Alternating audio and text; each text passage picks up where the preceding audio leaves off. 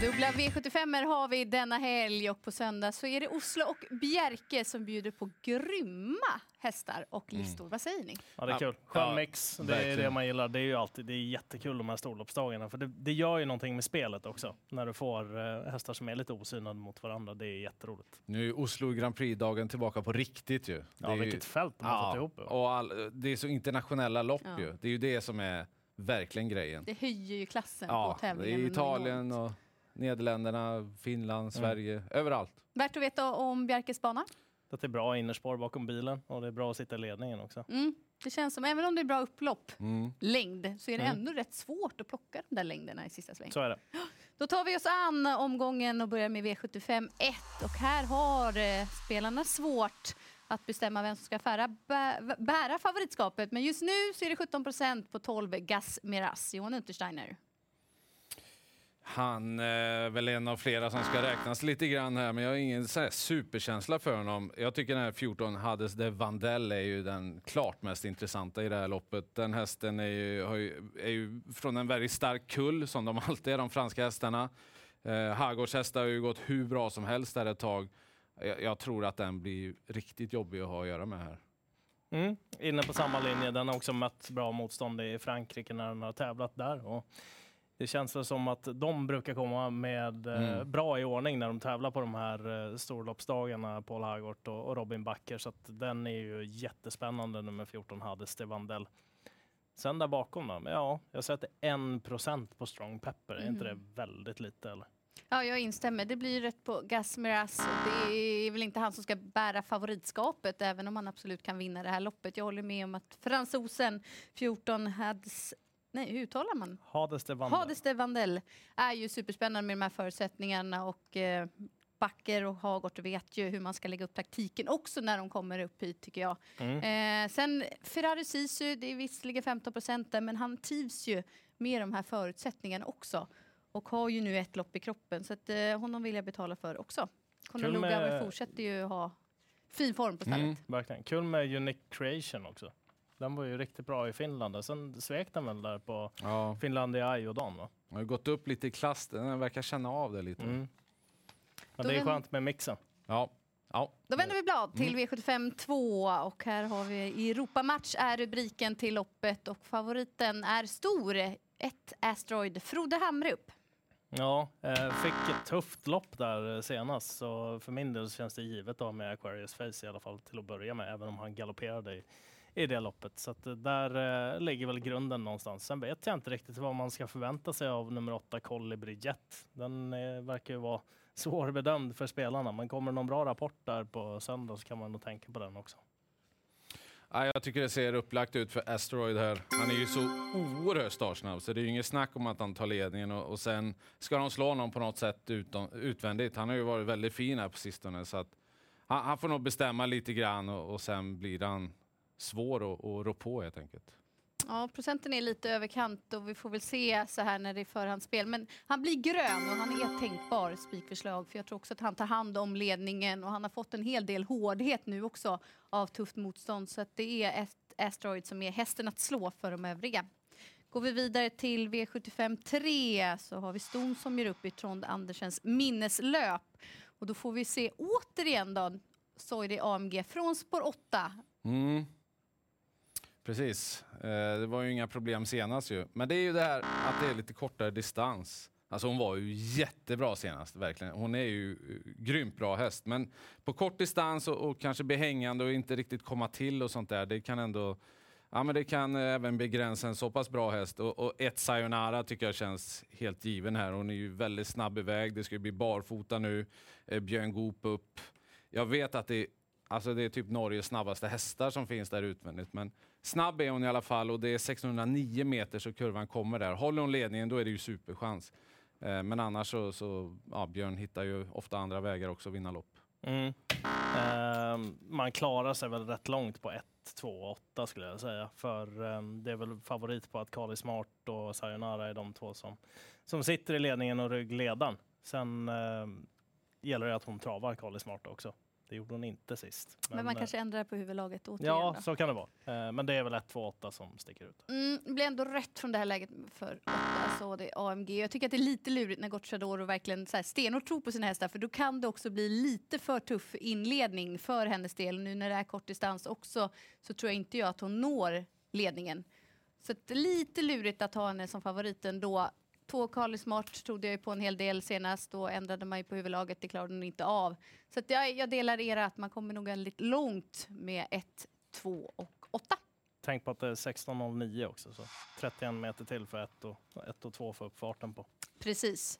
Vänder vi blad till V75 4. Det är ett diamantstorförsök, ganska så jämnt här. Men det är nio Kia som bär favoritskapet ihop med Oskar Kjellin Blom. Mm. Tänk på att man får ha amerikansk sulky i voltstart i Norge också. Konrads Annette, den skulle väl alla hålla på med när den startade på Umeåker. Det vart ju ingenting av det för man valde att sitta kvar när tåget gick. Eh, skulle den på något sätt hitta till ledningen eller ryggledaren här så är väl den väldigt intressant med tanke på hur den gick i just amerikanavagnen där när den hade den på sig i det där Margareta-loppet. Sen, eh, det finns ju massor med roliga grejer i det här loppet. Ta- en sån som 12 Kallas till exempel. Den brukar ju i princip alltid vara hårt betrodd när vi har de här gemensamma V75-omgångarna. Nu är den sträcka på 3 procent.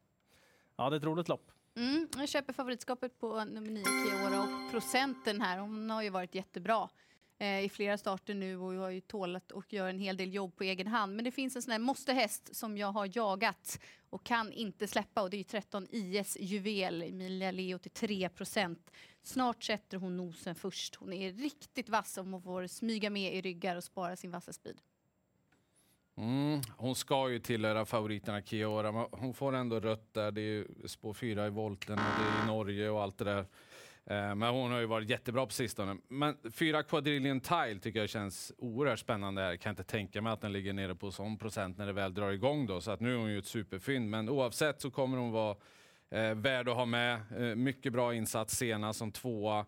Eh, Hon har varit bra här nu ett tag och, och får ju ett bra lopp där framme någonstans. Sen noterar jag att Örjan ska köra 11 Isabel BR. Det har flera gjort. Hon är på 13 procent. Hon avslutade också bra senast tycker jag och eh, har ju springspår här på tilläggsvolten. Borde få en bra start. Även ett M2 Ravishing såg bra ut sist. Hon fick ett, ett formförhöjande lopp. Ja, det finns ju massor med roliga grejer i det här loppet. Mm, överens om att det är ett lurigt och roligt lopp, V75 4. Då tar vi oss an Almsvartens äreslöp som är V75 5 och eh, Månlycke spår 7. Eh, jag vet att han ska gå med skor den här gången, men jag tycker ändå att eh, både ett Stallone och även Belfax som avslutade strålande i Elitkampen efter snäll resa är aktuella att ta med när spåren blev som de blev. För min del blir det också rätt på Månlycke just med spåret över den här distansen och då kan han vara lite öm i, sist, i första sväng där om man inte hittar liksom sårbar i sin position. Så det kan bli tufft för Månlycke AM och jag tycker att det ska bli spännande att se Stjärnblomster nu.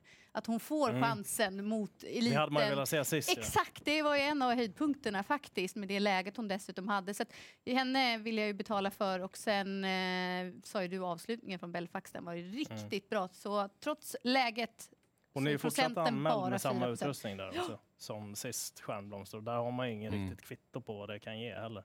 Men man kan måla upp i huvudet att det förmodligen hade varit väldigt bra. Ja, Rött på Månlycke AM. Eh, Läget är ju för svårt helt enkelt. Barfotan funkar inte riktigt senast. Tillbaka med skor och det gäller att hitta ner i banan. Nej, Stallone nummer ett är väl extremt spännande här nu. Han var ju riktigt bra i Elitkampen. Och nu har han innespår här med 609 meter återigen.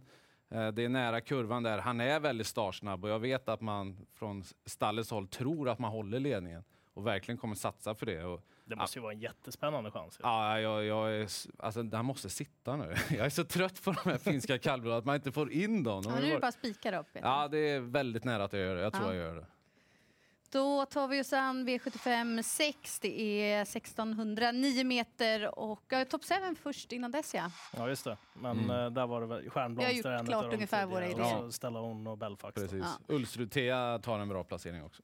Enormt imponerande insats av eh, favoriten Niela Haradja Freihaut senast under Elitloppshelgen. Men nu är det bakspår. Mm.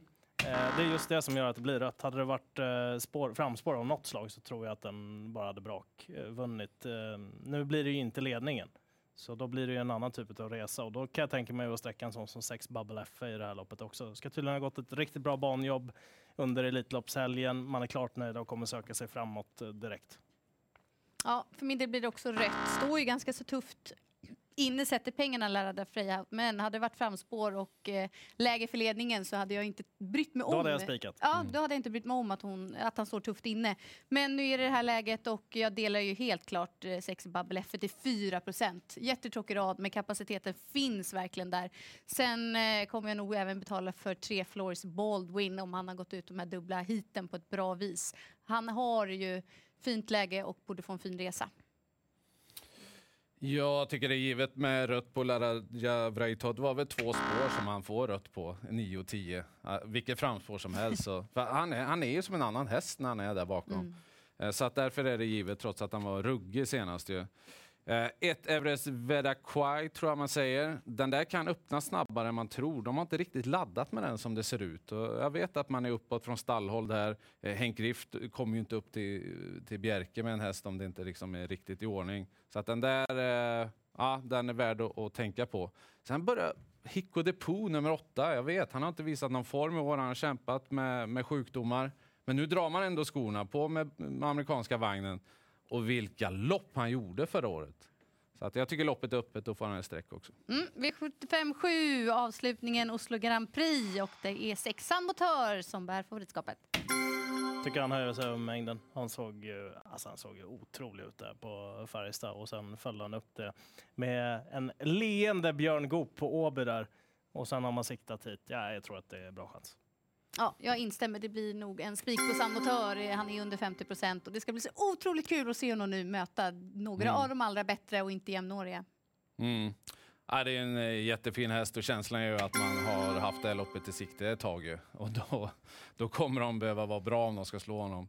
Eh, det är en fantastisk häst helt enkelt. Det, det, är ett bra motstånd. Flera av hästarna här har ju varit ganska nära honom förut, men jag tror ändå att det här är den bästa samotör vi har sett hit, som vi ser på söndag. Mm, rörande överens var vi om San möjligheter att vinna avslutningen. Även eh, nummer ett Asteroid i den andra avdelningen blev vass. Se nu till att njuta av söndagens fina sport och så önskar vi stort lycka till!